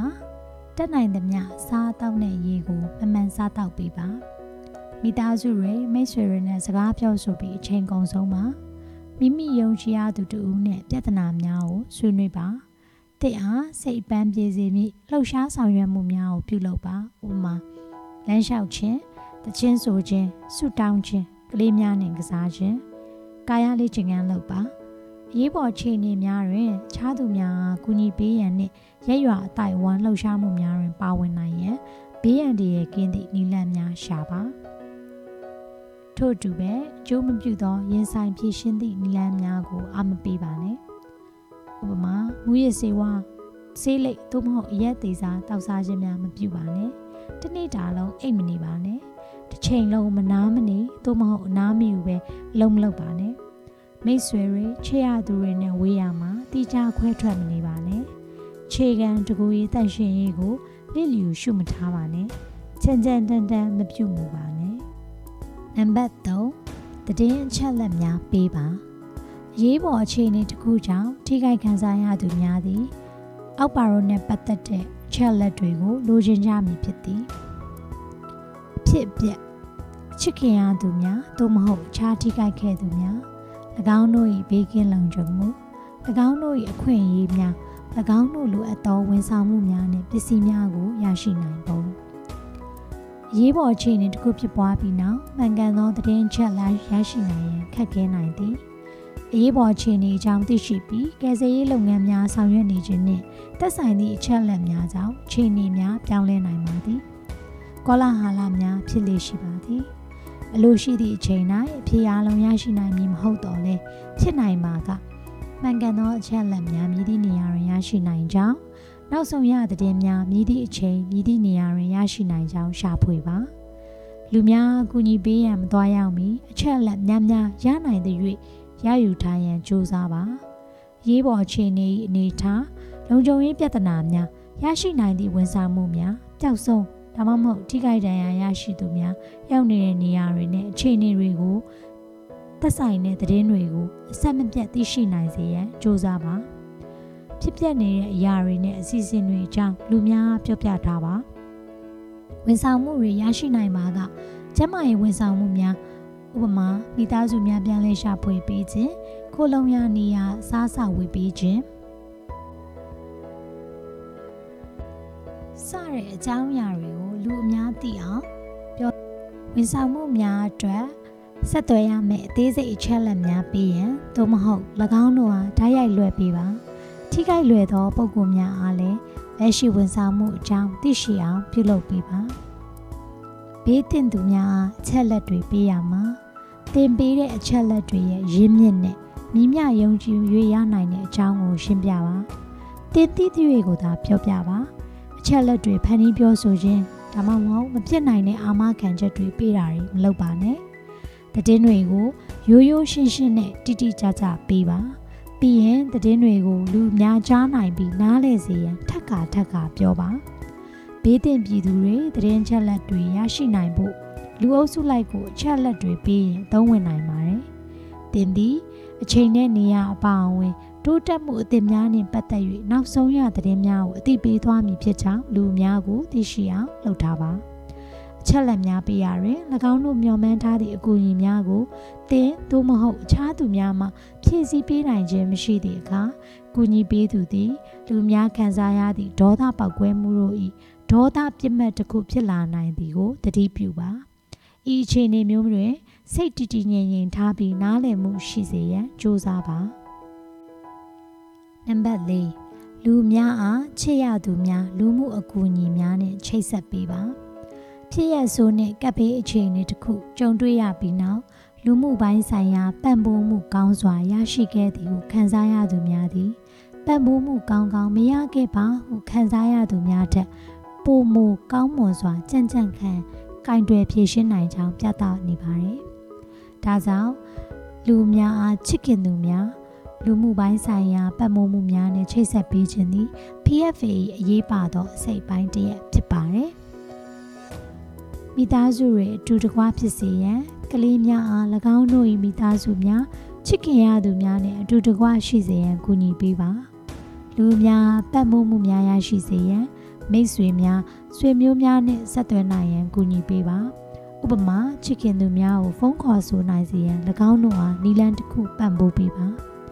ဘာသာရေးကောင်းဆောင်များထံမှဆုတောင်းဘာသာရေးဆိုင်ရာကျင့်ထုံးသို့မဟုတ်ပံ့ပိုးမှုတစ်ခုခုရရှိလျင် သူတို့အတွက်အထောက်အကူပြုနိုင်သည်ဟုလူတစ်ယောက်မှတင့်အားတည်ပေးလာပါက၎င်းတို့၏ဘာသာရေးဆိုင်ရာအတိုက်ဝိုင်းနှင့်ဆက်သွယ်ပေးနိုင်ရန်ကြိုးစားပါရေးပေါ်အခြေအနေများဘာသာရေးအခြေအနေများနှင့်ပတ်သက်၍အကြံပြုလိုသည်များရှိပါကအောက်ဖော်ပြပါလှုပ်ဆောင်ချက်များကိုလှုပ်ဆောင်နိုင်ပါတယ်။ဘေးတင်ပြည်သူများအချင်းချင်းကူညီပေးနိုင်စေရန်တူတူထားပေးရန်ကူညီပေးပါ။ဥပမာလူကြီးများကိုစောင့်ရှောက်ပေးရန်ဒါမှမဟုတ် မိသားစုမရှိသူများကိုအခြားရက်ရွာအတိုင်းဝိုင်းအဖွဲ့အစည်းများနဲ့ချိတ်ဆက်ပေးရန်ပြောပါ။ဖြစ်ရဆိုးတဲ့ကပ်ဘေးအခြေအနေနဲ့ယုံကြည်သက်ဝင်မှုဖြစ်ရဆိုးတဲ့ကပ်ဘေးအခြေအနေများတွင် လူတယောက်၏သက်ဝင်ယုံကြည်မှုသို့မဟုတ်ဘာသာရေးယုံကြည်မှုများသည်၎င်းတို့ဟာနာကျင်မှုနှင့်ဒုက္ခများကိုဖျက်ချော်နိုင်ရန်ကူညီပေးခြင်းအတိတ်ပဲပြေဝစေခြင်းနှင့်မျှော်လင့်ချက်ရှိစေခြင်းတို့အတွက်အလွန်အရေးပါပါတယ်။ ဆုတောင်းခြင်းနဲ့ဘာသာရေးအစဉ်အလာများလှုပ်ဆောင်နိုင်ခြင်းဟာကြီးမားတဲ့နှစ်သိမ့်မှုတစ်ခုဖြစ်နိုင်ပါတယ်။ဒါပေမဲ့လည်းအရေးပေါ်အခြေအနေတစ်ခုကြုံတွေ့ရခြင်းအထူးသဖြင့်အဆိုးရွားသောဆုံးရှုံးမှုများရင်ဆိုင်ရခြင်းဟာလူများအား၎င်းတို့၏ယုံကြည်မှုများအပေါ်မေးခွန်းထုတ်စရာများလည်းဖြစ်လာနိုင်စေပါတယ်။၎ င်းတွေ့ကြုံကြောင့်လူများ၏ယုံကြည်မှုဟာစောတကတက်ခြင်းတော်၎င်းပုံမခိုင်မာခြင်းတော်၎င်းသို့မဟုတ်ပြောင်းလဲမှုတော်၎င်းဖြစ်စေနိုင်ပါတယ်။ဒီချင်းတွေအတွက်အကြံပြုချက်တချို့ကတော့လူတယောက်၏ဘာသာရေးနောက်ခံကိုသိရှိပြီးအလေးထားပါ။ရေဘူးရအားဖြင့်ဘာတွေက၎င်းတို့အားစိတ်သက်သာရာရစေနိုင်တာကိုမေးမြန်းပါ။၎င်းတို့ကဘာသာရေးထုံးစံများအကြောင်းပြောပြလာပါကအထောက်အကူပေးနိုင်တဲ့အရာများကိုပြုလုပ်ရန်တိုက်တွန်းပါ လူတယောက်၏ဘာသာရေးတဝင်ယုံကြည်မှုများသို့မဟုတ်မိဂုများကိုဝေဖန်ခြင်းမပြုဘဲလေးလေးဆဆနားထောင်ပါတင်းယုံကြည်မှုများသို့မဟုတ်တဝင်ယုံကြည်မှုအရေးပေါ်အခြေအနေပေါ်ဘာသာရေးယူဆများဖြင့်ထို့သူဟာအတင်းသိမ့်သွင်းခြင်းမပြုပါနဲ့လူတူဦးမှတင့်အားထိုးထိုးပြုလုပ်ပေးရန်တောင်းဆိုလျင်ပင်တဝင်ယုံကြည်မှုသို့မဟုတ်အရေးပေါ်အခြေအနေပေါ်ထင်မြင်ချက်များကိုသဘောတူညီခြင်းသို့မဟုတ်ညှင်းပယ်ခြင်းမပြုပါနဲ့ အခန်း3တက်သမလေးတင့်ကူညီပေးမှုကိုရန်နာခြင်းနောက်ထပ်ဘာတွေဖြစ်လာမလဲသောတာရှင်အနေနဲ့အကူအညီပေးမှုတွေကိုဘယ်လိုအချိန်မှာဘယ်လိုရပ်တန့်ရမလဲဆိုတာကအရေးပေါ်အခြေအနေရဲ့ဆက်ဆက်အခြေအနေတွေကိုယ့်ရဲ့အခန်းကဏ္ဍနဲ့အနေအထားကိုကူညီပေးနေတဲ့သူတွေရဲ့လိုအပ်မှုတွေအပေါ်မှာအများကြီးမူတည်ပါတယ်။အခြေအနေလူတွေရဲ့လိုအပ်ချက်တွေနဲ့မိမိရဲ့ကိုယ်ပိုင်လိုအပ်ချက်တွေအရကိုယ့်ရဲ့အကောင်းဆုံးချင့်ချိန်အကဲဖြတ်မှုကိုအသုံးပြုပါ။ ဖြစ်နိုင်လို့ရှိရင်မိမိသွားရမယ့်အကြောင်းသူတို့ကို ရှင်းပြပေးပါ။ကိုယ့်နေရာမှာအခြားသူတူကဝင်ရောက်ကူညီပေးမယ်ဆိုလို့ရှိရင်လည်းအဲ့ဒီသူနဲ့သူတို့ကိုမိတ်ဆက်ပေးပါ။မိမိဟာလူတယောက်ယောက်ကိုအခြားဝန်ဆောင်မှုတွေနဲ့ချိတ်ဆက်ပေးခဲ့မယ်ဆိုလို့ရှိရင်သူတို့ကိုဘယ်လိုမျှော်လင့်ထားရမယ်ဆိုတာကိုလည်းသိရှိစေဖို့ရှင်းပြပေးပါ။နောက်ဆက်တွဲဆက်လက်ဆောင်ရွက်ဖို့အသေးစိတ်အချက်လက်တွေသိရှိနေဖို့လည်းဆောင်ရွက်ပေးပါ။ကိုဟာဒီပုံကိုယ်တွေနဲ့ ဘလို့ပဲကြုံတွေ့ခဲ့သည်ဖြစ်စေသူတို့ကိုစုမုံကောင်းတောင်းပေးပြီးတော့ကောင်းသောနည်းလမ်းနဲ့နှုတ်ဆက်နိုင်ပါတယ်။အခန်း3.5အထူးဆောင်ရှောက်မှုလိုအပ်နိုင်သူများအရေးပေါ်ခြေအနေတစ်ခုမှာထိခိုက်လွယ်ပြီးအထူးပြုစုဆောင်ရှောက်မှုလိုအပ်သူများလို့ဆိုရမှာအခုပြောပြမယ့်သူတွေပါဝင်နိုင်ပါတယ်နံပါတ်1ဆယ်ကျော်သက်အရွယ်များအပါအဝင်ကလေးငယ်များနံပါတ်2 ကျန်းမာရေးပြဿနာရှိသူများသို့မဟုတ်မတန်ဆွမ်းသူများနံပါတ်3ခွဲခြားဆက်ဆံခံရနိုင်ပွဲရှိသူများသို့မဟုတ်အကြမ်းဖက်ခံရနိုင်ခြေရှိသူများတို့ဖြစ်ပါတယ်။ထိခိုက်ခံစားလွယ်သူများအပါအဝင် လူတွေအားလုံးမှာရင်ဆိုင်ဖြည့်ရှင်းနိုင်တဲ့ရင်းမြစ်တွေအားလုံးရှိနေသည်ကိုသတိရပါ။ထိခိုက်ခံစားလွယ်သူတွေကို သူတို့တွေမှာရှိပြီးသားနဲ့အခြားသောရင်ဆိုင်ဖြည့်ရှင်းနိုင်တဲ့နည်းလမ်းများကိုအသုံးပြုနိုင်ရန်ကူညီပါ။ဆက်လက်ပြီးနံပါတ်1ဖြစ်တဲ့ဆယ်ကျော်သက်များအပါအဝင်ကလေးငယ်များအတွက်အကျေတဝင့်ဖော်ပြပေးပါမယ်။ဆယ်ကျော်သက်များအပါအဝင်ကလေးငယ်အများစုကအရေးပေါ်အခြေအနေမှာအလွန်ထိခိုက်လွယ်ကြပါတယ်။အရေးပေါ်ဖြစ်ပျက်တွေကသူတို့ကိုလုံခြုံတယ်လို့ခံစားစေရတဲ့သူတွေနေရာတွေ နေ့စဉ်လှုပ်ဆောင်မှုတွေအပါအဝင်သူတို့နဲ့ရင်းနှီးကျွမ်းဝင်တဲ့ကဘာကြီးကိုပြိုကွဲသွားစေတတ်ပါတယ်။အရေးပေါ်အခြေအနေကြောင့်ထိခိုက်ခံရတဲ့ကလေးငယ်တွေကလိမ်ပိုင်းဆိုင်ရာအကြမ်းဖက်ခံရခြင်းအနိုင်ကျင့်စော်ကားခံရခြင်းအမျက်ထုတ်ခံရခြင်းတို့ကြုံတွေ့နိုင်တဲ့အန်ဒီရယ်တွေပိုများပြီးတော့ကြီးမားတဲ့အရေးပေါ်အခြေအနေတွေနဲ့ဖျို့ဖျဲအခြေအနေများမှာပုံမူတွေ့ရတတ်ပါတယ်။ကလေးငယ်လေးတွေကအထူးသဖြင့် သူတို့ရဲ့အခြေခံလိုအပ်ချက်များကိုမဖြည့်ဆည်းနိုင်ခြင်းဒါမှမဟုတ်သူတို့ဘာသာကာကွယ်နိုင်မှုမရှိခြင်းနဲ့သူတို့ကိုစောင့်ရှောက်ပေးသူတွေကအလွန်စိတ်တော့ကရောက်နေခြင်းစသည်တို့ကြောင့်ပုံမူပြီးတော့ထိခိုက်လွယ်တတ်ကြပါတယ်။အသက်အရွယ်ပိုကြီးတဲ့ကလေးငယ်တွေကတော့လူကုန်ကူးခံရခြင်းလိမ်ပိုင်းဆိုင်ရာအမျက်ထုတ်ခံရခြင်းဒါမှမဟုတ်လက်နက်ကင်အဖွဲ့အစည်းများတွေထံသို့စုဆောင်းခံရခြင်းတို့ဖြစ်နိုင်ပါတယ်။ မိန်းကလေးနဲ့ယောက်ျားလေးတွေကတော့မတူညီတဲ့အန်ဒီရယ်တွေကိုတနည်းနည်းနဲ့ကြုံတွေ့ကြရပါတယ်။အများအားဖြင့်မိန်းကလေးတွေကလိမ်ပိုင်းဆိုင်ရာအကြမ်းဖက်ခံရခြင်းနဲ့အမျက်ထုတ်ခံရခြင်းအန်ဒီရယ်တွေကြုံတွေ့နိုင်ခြေပိုများပြီးတော့အနိုင်ကျင့်ခံရသူများကိုကဲ့ရဲ့ပြစ်တင်ခြင်းနဲ့တီးခြားခွဲထုတ်ခံထားရခြင်းတွေဖြစ်နိုင်ပါတယ်။ကလေးငယ်တွေရဲ့အရေးပေါ်အခြေအနေတစ်ခုမှရှိတဲ့အခက်အခဲတွေဥပမာအားဖြင့်အပြက်အစီးများ ထိခိုက်ဒဏ်ရာရခြင်းဒါမှမဟုတ်သေဆုံးခြင်းတို့ကိုတွေ့မြင်ရခြင်းဓာတုအစိတ်သင့်ပတ်ဝန်းကျင်နဲ့ထိတွေ့ခြင်းစားစရာနဲ့ရေမရှိခြင်းစတဲ့အခက်အခဲတွေပေါ်တုံ့ပြန်ပုံကသူတို့ရဲ့အသက်အရွယ်နဲ့ဖွံ့ဖြိုးမှုအခြေအနေတို့အပေါ်မူတည်ပါတယ်။သူတို့ကိုစောင့်ရှောက်သူများအခြားလူကြီးများနဲ့သူတို့ရဲ့တုံ့ပြန်ဆက်ဆံတဲ့နည်းလမ်းတွေပေါ်မှာလည်းမူတည်ပါတယ်။ ဥပမာကလေးငယ်တွေကသူတို့ရဲ့ပတ်ဝန်းကျင်မှာဖြစ်ပျက်နေသည့်များကိုအပြည့်အဝနားလည်နိုင်မှာမဟုတ်ဘဲပြုစုစောင့်ရှောက်ပေးသူများရဲ့ပံ့ပိုးမှုကိုအထူးသဖြင့်လိုအပ်မယ်ဖြစ်ပါတယ်။ရေဘူးရအပြင်ကလေးငယ်တွေကသူတို့အနားမှာစိတ်လှုပ်ရှားမှုမရှိပဲတည်ငြိမ်တဲ့လူကြီးတဦးရှိပါကပို၍မြန်မြန်ကြမ်းကြမ်းခံဖြည့်ချင်းနိုင်လိရှိပါတယ်။ကလေးများနဲ့လူငယ်များတည်ရလဲလူကြီးများကဲ့သို့ပင် အလားတူစိတ်ဖိစီးမှုအပေါ်တုံ့ပြန်မှုများရှိနိုင်ပါတယ်။၎င်းတို့မှာအောက်ဖော်ပြပါတီးခြားစိတ်ခံစားမှုအပေါ်တုံ့ပြန်မှုအချို့လည်းရှိနိုင်ပါတယ်။ငယ်ရွယ်သောကလေးများကရခင်အမှုအကျင့်နေဥပမာအားဖြင့်အိပ်ရာတဲ့အပေါ်သွားခြင်းဒါမှမဟုတ်လက်မဆုံးခြင်းစတဲ့အမှုအကျင့်တွေပြန်လည်ဖြစ်လာနိုင်ခြင်း စောင့်ရှောက်သူတွေကိုတွေ့ကပ်နေခြင်းနဲ့ကစားချိန်လျော့သွားခြင်းဒါမှမဟုတ်စိတ်တော့ကရောက်ဖွယ်အဖြစ်အပျက်နဲ့ဆက်ဆက်နေတဲ့ကစားနည်းများကိုထက်ခါထက်ခါကစားခြင်းတို့ဖြစ်လာနိုင်ပါတယ်။ကျောင်းနေအရွယ်ကလေးတွေကတော့အဖြစ်ဆိုးတွေကိုဖြစ်စေခဲ့သည်လို့ယုံကြည်နေခြင်းထိတ်လန့်စရာအသစ်များဖြစ်ပေါ်လာခြင်းအချစ်လျော့သွားခြင်းအထီးကျန်သည်ဟုခံစားရခြင်းအရေးပေါ်အခြေအနေမှသူတို့အားကယ်ဆယ်ပေးရန်အလွန်စိတ်ပူပန်နေခြင်းများဖြစ်နိုင်ပါတယ်။ ဆယ်ကျော်သက်အရွယ်များကတော့မိမိမှာအရာရာဆုံးရှုံးသွားပြီဟုခံစားနိုင်ရခြင်းတငယ်ချင်းများနဲ့ကွဲလွဲသွားသည်ဒါမှမဟုတ်တီးခြားဖြစ်သွားတယ်လို့ခံစားနိုင်ရခြင်းဒါမှမဟုတ်အန်တီရဲ့များတဲ့အပြုမြူအပြုအမူများနဲ့အစိုးမြင်တဲ့သဘောထားများကိုပြသလာခြင်းများဖြစ်နိုင်ပါတယ်မိသားစုများနဲ့အခြားဆောင်ရှောက်သူများကလည်းကလေးငယ်များအတွက်အကာအကွယ်နဲ့စိတ်ပိုင်းဆိုင်ရာအရာပံ့ပိုးပေးနိုင်တဲ့အရေးပါတဲ့ရင်းမြစ်များဖြစ်ပါတယ်။ စောင်းရှောက်သူများနဲ့ကွဲကွာသွားတဲ့ကလေးငယ်တွေကဖြစ်ရဆိုးနဲ့ကပ်ဘေးအခြေအနေအတွင်းမရင်းနှီးတဲ့နေရာများနဲ့မရင်းနှီးတဲ့လူများကြားရောက်ရှိသွားတတ်ပါတယ်။သူတို့ကအလွန်ထိတ်လန့်နေသောကြောင့်ပဝင်းကျင်ရှိအန်ဒီရတွေကိုမှန်မှန်ကန်ကန်ဝေဖန်သုံးသပ်နိုင်မည်မဟုတ်ပါဘူး။အရေးကြီးတဲ့ပထမအဆင့်မှာစေကျော်သက်များအပါအဝင်ကွဲကွာသားတဲ့ကလေးတွေကိုသူတို့ရဲ့မိသားစုတွေ ဒါမှမဟုတ်စောင့်ရှောက်သူတွေနဲ့ပြန်လည်ပေါင်းစည်းပေးရန်ဖြစ်ပါတယ်မိမိဘာသာပြုလုပ်ဖို့မကြိုးစားပါနဲ့တင်အမားလုပ်မိပါကကလေးရဲ့အခြေအနေကိုပုံမိုဆိုးရွားသွားစေနိုင်ပါတယ်အဲ့ဒီအစားကလေးကိုယုံကြည်စိတ်ချရတဲ့ကလေးတငယ်ကာကွယ်စောင့်ရှောက်ရေးအဖွဲ့အစည်းတစ်ခုနဲ့ချက်ချင်းချိတ်ဆက်ပေးဖို့ကြိုးစားပါကလေးအားစည်ရင်သွေးခြင်းဖြင့်စတင်နိုင်ပြီးသူတို့ကိုစောင့်ရှောက်မှုရရှိစေမည်ဖြစ်ပါတယ်။က လေးငယ်တွေကသူတို့ရဲ့စောင့်ရှောက်သူတွေနဲ့အတူရှိရင်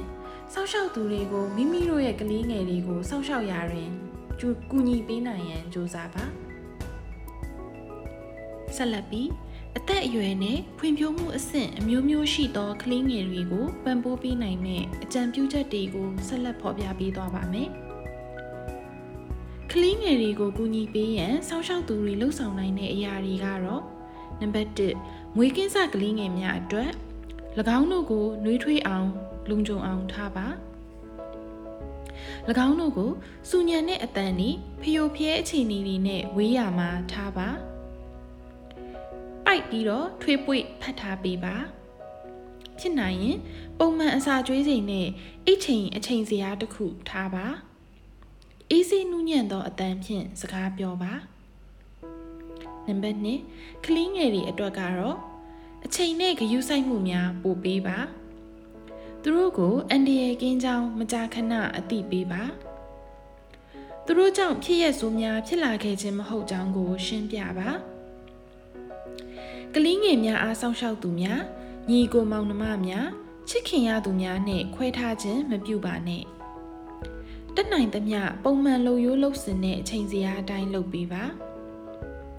ဖြစ်ပျက်ခဲ့တဲ့အကြောင်းအရာတွေကိုထိတ်လန့်ပွဲအသေးစိတ်အချက်လက်များမပါပဲရိုးရိုးရှင်းရှင်းပြောပြပေးပါသူတို့ကြောက်လန့်နေရင်ဒါမှမဟုတ်အချင်းချင်းတွေ့ကပ်နေရင်သူတို့ကိုနီးနီးကပ်ကပ်နေခွင့်ပြုပါ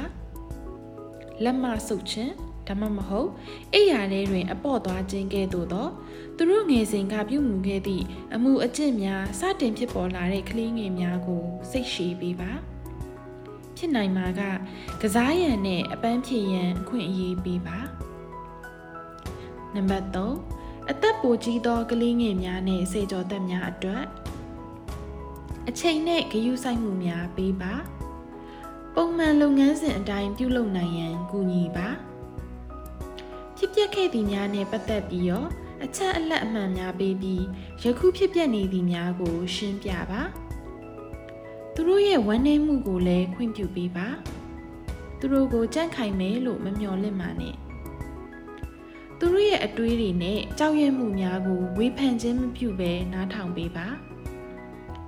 ရှင်းလင်းသောစည်းမျဉ်းများနဲ့မျှော်လင့်ချက်များသတ်မှတ်ထားပါ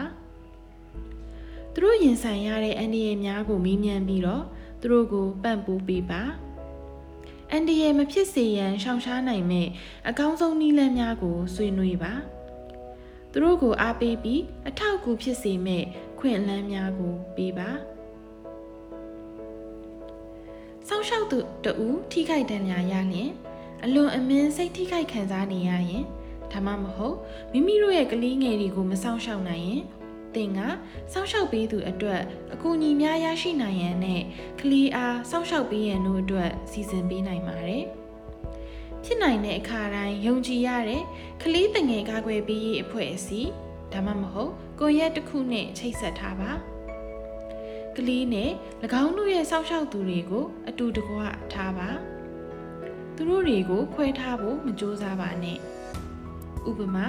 စောင့်ရှောက်ပေးသူအားဆေးဘက်ဆိုင်ရာကုသမှုပေးရန်အတွက်တနေရာရာကိုပို့ဆောင်ခဲ့တယ်ဆိုလို့ရှင်လင်ကလေးငယ်တွေကိုသူတို့နဲ့အတူထားပေးခြင်း ဒါမှမဟုတ်သူတို့ပြန်လဲတွေးဆုံစီနိုင်မှုအတွက်စောင့်ရှောက်သူကိုခေါ်ဆောင်သွားတဲ့နေရာကိုအသေးစိတ်မှတ်ထားပေးပါ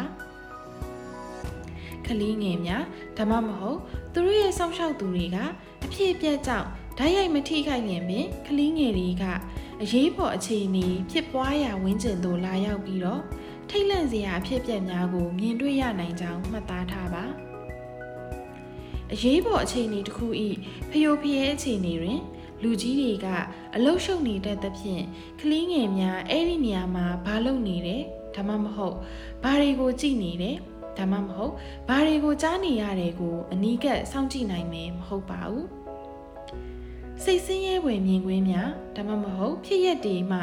၎င်းတို့ကိုကာကွယ်ပေးရန်ကြိုးစားပါကလေးများအား ပြောရမယ့်စကားများနဲ့လုပ်ပေးရမယ့်အကြောင်းအရာတွေကိုဆက်လက်ပြီးတော့ဖော်ပြပေးသွားပါမယ်။နံပါတ်1ချစ်ခင်သူများနဲ့အတူတကွထားပါ။သူတို့ကိုအခွင့်အခါကြုံတိုင်းသူတို့ရဲ့စောင့်ရှောက်သူများမိသားစုများနဲ့အတူတကွထားပါ။သူတို့ကိုခွဲထားဖို့မကြိုးစားပါနဲ့။မိသားစုနဲ့ကွဲကွာနေပါကကလေးငယ်တွေကိုယုံကြည်ရတဲ့ကလေးတငယ်ကာကွယ်စောင့်ရှောက်ရေးကွန်ရက် ဒါမှမဟုတ်အဖွဲ့အစည်းတစ်ခုခုနဲ့ချိတ်ဆက်ပေးပါကလေးငယ်များအားစောင့်ရှောက်မဲ့သူမရှိဘဲမထားခဲ့ပါနဲ့ကလေးတငယ်ကာကွယ်စောင့်ရှောက်ရေးအဖွဲ့တစ်ခုမရနိုင်မှာကသူတို့ရဲ့စောင့်ရှောက်သူများကိုရှာဖွေရန်ဒါမှမဟုတ်သူတို့ကိုစောင့်ရှောက်ပေးနိုင်မဲ့အခြားမိသားစုဝင်များကိုဆက်သွယ်ရန်တင်ကိုယ်တိုင်ဆောင်ရွက်ပါနံပါတ်1ဘေးကင်းအောင်ထားပါ ဒဏ်ရာရသူများသို့မဟုတ်ဆိုးဆိုးရွားရွားပျက်စီးမှုများကဲ့သို့ကြောက်ရွံ့ဖွယ်မြင်ကွင်းများနဲ့တွေ့ကြုံရခြင်းမှကာကွယ်ပေးပါအဖြစ်အပျက်နဲ့ပတ်သက်တဲ့စိတ်ဒုက္ခရောက်ဖွယ်အကြောင်းအရာများကို သူတို့မကြားရစေရန်ကာကွယ်ပေးပါသူတို့ကိုမီဒီယာများဒါမှမဟုတ်တွေးဆုံမေးမြန်းလိုတဲ့အရေးပေါ်ကယ်ဆယ်ရေးတုံ့ပြန်မှုကဏ္ဍတွင် ပါဝင်သူများနဲ့မတွေ့ရအောင်ကာကွယ်ပေးပါ နံပါတ်3နားထောင်ပါ စကားပြောပါ ကစားပါတီတီငိမ့်ငိမ့်နေပါ စကားကိုနူးနူးညံ့ညံ့ချင်းချင်းနာနာပြောပါသူတို့ရဲ့အခြေအနေနဲ့ပတ်သက်ပြီးတော့ကလေးတွေရဲ့အမြင်များကို နားထောင်ပေးပါကလေးများကိုသူတို့မြင်နိုင်တဲ့အနေအထားလောက်မှာစကားပြောရန်ကြိုးစားပါသူတို့နားလည်နိုင်တဲ့စကားလုံးများရှင်းလင်းချက်များကိုအသုံးပြုပါ မိမိနာမည်ကိုမိတ်ဆက်ပေးပြီးတော့သူတို့ကိုကူညီရန်ရှိနေကြောင်းအသိပေးပါသူတို့ရဲ့အမည်ဘယ်နေရာကလာသည်တို့အပြင်သူတို့ရဲ့စောင့်ရှောက်သူများအခြားမိသားစုဝင်များကိုကူညီရှာဖွေပေးနိုင်တဲ့လိုအပ်တဲ့အချက်လက်များကိုရှာဖွေပါသူတို့ကသူတို့ရဲ့စောင့်ရှောက်သူတွေနဲ့အတူရှိပါကမိမိတို့ရဲ့ကလေးငယ်တွေကိုပြုစုစောင့်ရှောက်ရမှာစောင့်ရှောက်သူများကိုပံ့ပိုးပေးပါ ကလေးငယ်များနဲ့အချိန်ကုန်ရမှာသူတို့ရဲ့အသက်အရွယ်လိုက်ကစားပွဲများမှာပါဝင်စေခြင်းဒါမှမဟုတ်သူတို့စိတ်ဝင်စားမှုများအကြောင်းရိုးရိုးရှင်းရှင်းပြောဆိုခြင်းများပြုလုပ်ပါကလေးငယ်များမှာလည်းသူတို့ကိုယ်ပိုင်ရင်ဆိုင်ဖြည့်ရှင်းနိုင်တဲ့နည်းလမ်းများရှိပါတယ် အဲ့ဒါတွေကိုလေ့လာပြီးတော့အကျိုးမပြုသောရင်ဆိုင်ဖြည့်ရှင်းနိုင်တဲ့နည်းလမ်းများရှောင်ရှားဖို့ကိုကူညီပေးရင်းနဲ့အကျိုးပြုသောရင်ဆိုင်ဖြည့်ရှင်းနိုင်တဲ့နည်းလမ်းများဖြင့်ပံ့ပိုးပေးပါအသက်အရွယ်ပိုကြီးတဲ့ကလေးငယ်များနဲ့စေကျော်သက်တွေကတော့အရေးပေါ်အခြေအနေတွေမှာအကူအညီပေးတတ်ပါတယ်။သူတို့အတွက်အဲ့ဒီအခြေအနေတွေမှာပါဝင်ဆောင်ရွက်ရန်ဘေးကင်းတဲ့နည်းလမ်းများရှာဖွေပေးခြင်းသည်သူတို့အားထိန်းချုပ်မှုရှိနေသည်ဟု ပုံမခံစားရစေရန်ကူညီပေးပါတယ်။ဆက်လက်ပြီးအအရေးပေါ်အခြေအနေတစ်ခုမှာထိခိုက်လွယ်ပြီးအထူးပြုစုစောင့်ရှောက်မှုလိုအပ်သူများထဲမှာနံပါတ်1ဖြစ်တဲ့ကျန်းမာရေးပြဿနာရှိသူများသို့မဟုတ်ကာယသို့မဟုတ်စိတ်ပိုင်းဆိုင်ရာမတန်ဆွမ်းသူများအတွက်အကျယ်တဝင့်ဖော်ပြပေးပါမယ်။ပြင်းထန်သောစိတ်ဝေဒနာရှင်များအပါအဝင် နာတာရှည်ကျန်းမာရေးအခြေအနေရှိသူများကာယ သို့မဟုတ်စိတ်ပိုင်းဆိုင်ရာမတန်ဆွမ်းသူများသို့မဟုတ်တက်ကြီးရွယ်အိုများကအထူးကူညီများလိုအပ်နိုင်ပါတယ်။ထို့သူတို့ကို လုံခြုံဘေးကင်းသောနေရာတစ်ခုသို့ရောက်ရှိရန်ကူညီပေးခြင်းအခြေခံပံ့ပိုးမှုအပြင်ကျန်းမာရေးစောင့်ရှောက်မှုများနဲ့ချိတ်ဆက်ပေးခြင်းသို့မဟုတ်ထိုသူတို့ဘာသာစောင့်ရှောက်ခြင်းတို့ပါဝင်ပါတယ်။ဖြစ်ရဆိုးနဲ့ကပ်ဘေးအခြေအနေတွေတွေးကြုံခံစားရပါကသွေးပေါင်တက်ခြင်းနှလုံးယောဂပန်းနာရင်ကျက်ယောဂ စိတ်ပူပင်သောကရောက်ခြင်းနဲ့အခြားကျန်းမာရေးနဲ့စိတ်ပိုင်းဆိုင်ရာဝေဒနာများကဲ့သို့ကျန်းမာရေးအခြေအနေအမျိုးမျိုးမှာပုံမဆိုးရွားလာတတ်ပါတယ်။ကိုဝင်ဆောင်တဲ့နှုတ်တိုက်မိခင်တွေကလည်းကိုဝင်သို့မဟုတ်၎င်းတို့ကိုယ်တိုင်နဲ့၎င်းတို့ရဲ့မွေးကင်းစကလေးတွေရဲ့ကျန်းမာရေးကိုထိခိုက်စေနိုင်တဲ့ဖြစ်ရဆိုးနဲ့ကပ်ဘေးအခြေအနေတွေကြောင့်ပြင်းထန်သောစိတ်ဖိစီးမှုများကြုံတွေ့ရနိုင်ပါတယ်။မိမိဘာသာမလှုပ်ရှားနိုင်သူများသို့မဟုတ် အမြင်သို့မဟုတ် အကြားအာယုံဆိုင်ရာပြဿနာရှိသူများကလည်းချစ်ခင်သူများကိုရှာဖွေရန်သို့မဟုတ်ရရှိနိုင်သောဝန်ဆောင်မှုများအသုံးပြုရန်ခက်ခဲနိုင်ပါတယ်။ယခုဖော်ပြမယ့်အချက်များကတော့ကျန်းမာရေးအခြေအနေသို့မဟုတ်မတန်ဆွမ်းရှိသူများကိုကူညီရန်တင်လုပ်ပေးနိုင်တဲ့အရာများဖြစ်ပါတယ်။၎င်းတို့ကိုလုံခြုံပေးကင်းသောနေရာတစ်ခုသို့ရောက်ရှိစေရန်ကူညီပေးပါ အစာစားနိုင်ရန်တန်ရှင်းသောရေရရှိတောက်သုံးနိုင်ရန်မိမိတို့ဘာသာစောင့်ရှောက်နိုင်ရန်ဒါမှမဟုတ်အဖွဲ့အစည်းတွေကထုတ်ပြန်ပြီးသောပစ္စည်းတွေဖြင့်နေစရာတွေတိစောက်ပြီးရန်၎င်းတို့ရဲ့အခြေခံလိုအပ်ချက်များပြည့်ဝစေရန်စသည်ဖြင့်ကူညီပေးပါလူအများအား၎င်းတို့တွင်ကျန်းမာရေးပြဿနာတစ်ခုခုရှိပါသလားဒါမှမဟုတ်ကျန်းမာရေးပြဿနာတစ်ခုအတွက်ပုံမှန်ဆေးဝါးတောက်သုံးနေရသူဖြစ်ပါသလားဟုမေးပါ ရနိုင်မှာကထိုသူတွေအတွက်၎င်းတို့ရဲ့ဆေးဝါးများရရှိစေရန်သို့မဟုတ်ဆေးဘက်ဆိုင်ရာဝန်ဆောင်မှုများရရှိစေရန်ကူညီပေးပါ၎င်းတို့နဲ့အတူနေပေးပါဒါမှမဟုတ်တင်တို့သွားရတော့မည်ဖြစ်လျင်၎င်းတို့အားကူညီပေးမည်သူတဦးဦးရှိနေစေရန်ပြုလုပ်ပေးပါရေရှည်အားဖြင့်၎င်းတို့အားကူညီပေးရန်ကာကွယ်ပေးရေးအဖွဲ့တစ်ခုခုသို့မဟုတ်အခြားပံ့ပိုးပေးမဲ့သူများနဲ့ချိတ်ဆက်ပေးဖို့စဉ်းစားပါ အခြားရရှိနိုင်မဲ့ဝန်ဆောင်မှုများအသုံးပြုပုံနဲ့ဆက်လင်းနဲ့အချက်လက်တွေကိုလည်း၎င်းတို့ကိုပေးပါဆက်လက်ပြီးရေးပေါ်ချိန်ဒီတစ်ခုမှာထိခိုက်လွယ်ပြီးအထူးပြုစုဆောင်ရှောက်မှုလိုအပ်သူများထဲမှာနံပါတ်3ဖြစ်တဲ့ခွဲခြားဆက်ဆံခံရနိုင်ပွဲရှိသူများသို့မဟုတ်အကြမ်းဖက်ခံရနိုင်ခြေရှိသူများအတွက်အကျယ်တဝင့်ဖော်ပြပေးသွားပါမယ်။ခွဲခြားဆက်ဆံခံရနိုင်ပွဲရှိသူများသို့မဟုတ်အကြမ်းဖက်ခံရနိုင်ခြေရှိသူများတွင်အမျိုးသမီးများ အချို့တိုင်းရင်းသားများသို့မဟုတ်ဘာသာရေးအုပ်စုများနဲ့စိတ်ဝေဒနာရှင်များပါဝင်ပါတယ်။၎င်းတို့ထိခိုက်လွယ်ရခြင်းမှာအခြေခံဝန်ဆောင်မှုများပေးသည့်အခါမှာ၎င်းတို့ကြံရည်ခဲ့ခြင်းအကူအညီများဝန်ဆောင်မှုများသို့မဟုတ်တွားရမယ့်နေရာများနဲ့သက်ဆိုင်တဲ့ဆုံးဖြတ်ချက်များချရာမှာကြံရည်ခဲ့ခြင်းလိမ်ပိုင်းဆိုင်ရာအကြမ်းဖက်မှုများအပါအဝင်အကြမ်းဖက်မှုများအတွက်ပြစ်မှတ်ထားခြင်းစသည့်အချက်များကြောင့်ဖြစ်ပါတယ်။ ခွဲခြားဆက်ဆံခံရနိုင်ပွဲရှိသူများသို့မဟုတ်အကြမ်းဖက်ခံရနိုင်ခြေရှိသူတွေကအရေးပေါ်အခြေအနေတစ်ခုမှာဘေးရန်တရကင်းရှင်းစေရန်အတွက်အထူးကာကွယ်များလိုအပ်နိုင်ပါတယ်။၎င်းတို့ရဲ့အခြေခံလိုအပ်ချက်များကိုဖြည့်ဆည်းပေးရန်နဲ့ရရှိနိုင်တဲ့ဝန်ဆောင်မှုများကိုအသုံးချရန်အတွက်အပေါ်ပံ့ပိုးပေးမှုများလိုအပ်နိုင်ပါတယ်။၎င်းတို့အားတတိထားပြီးအောက်ဖော်ပြပါတို့ကိုပြုလုပ်ပေးခြင်းဖြင့်ကူညီပေးနိုင်ပါတယ်။၎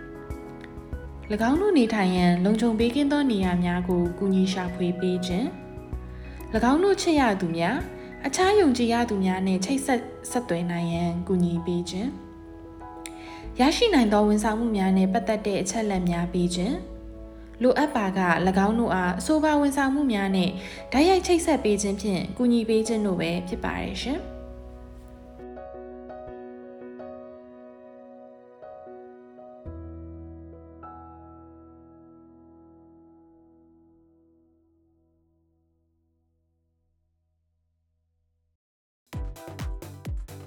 စိတ်ပိုင်းဆိုင်ရာကနဦးကူညီဆောင်ရှောက်မှုကွင်းစင်းလုပ်သားများအတွက်လမ်းညွှန်ချက်စ psychological first aid အကြောင်းသိကောင်းစရာအစီအစဉ်မှတင်ဆက်ခဲ့တာဖြစ်ပါတယ်ရှင်။ဒီအစီအစဉ်ကိုအပိုင်းလေးပိုင်းခွဲပြီးတင်ဆက်ထားပါတယ်။ဒီအစီအစဉ်တင်ဆက်ရာမှာအသုံးပြုခဲ့တဲ့သတင်းချက်လက်နဲ့ဘုဒ္ဓတာဆိုင်ရာလမ်းညွှန်ချက်များကတော့ ACF မြန်မာမှ2018တွင်ထုတ်ဝေထားတဲ့စိတ်ပိုင်းဆိုင်ရာကနဦးကူညီဆောင်ရှောက်မှုကွင်းစင်းလုပ်သားများအတွက်လမ်းညွှန်ချက်မှာဖြစ်ပါတယ်ရှင်။ မူလ psychological first aid ကိုတော့အင်္ဂလိပ်ဘာသာနဲ့ထုတ်ဝေခဲ့ပြီးအင်္ဂလိပ်ဘာသာနဲ့မြန်မာဘာသာကြားမှာကွဲပြားမှုရှိပါကမူရင်းအင်္ဂလိပ်ဘာသာစကားကိုသာအတည်ယူရမှာဖြစ်ပါတယ်ရှင်။ထို့အတူပဲမြန်မာဘာသာနဲ့ဖော်ပြရမှာမူရင်းစာအုပ်နဲ့ကွဲလွဲချက်များကြံရစ်ခဲ့တာများရှိရင်လည်းတင်ဆက်သူများ၏တာဝန်သာဖြစ်ပါတယ်ရှင်။နားထောင်ပေးတဲ့အတွက်ကျေးဇူးတင်ပါတယ်။နောက်အစီအစဉ်များမှာလည်းပြန်လည်တွေ့ဆုံမှုရအတွက်ညှောင်းလင်းပါတယ်။ကျေးဇူးတင်ပါတယ်ရှင်။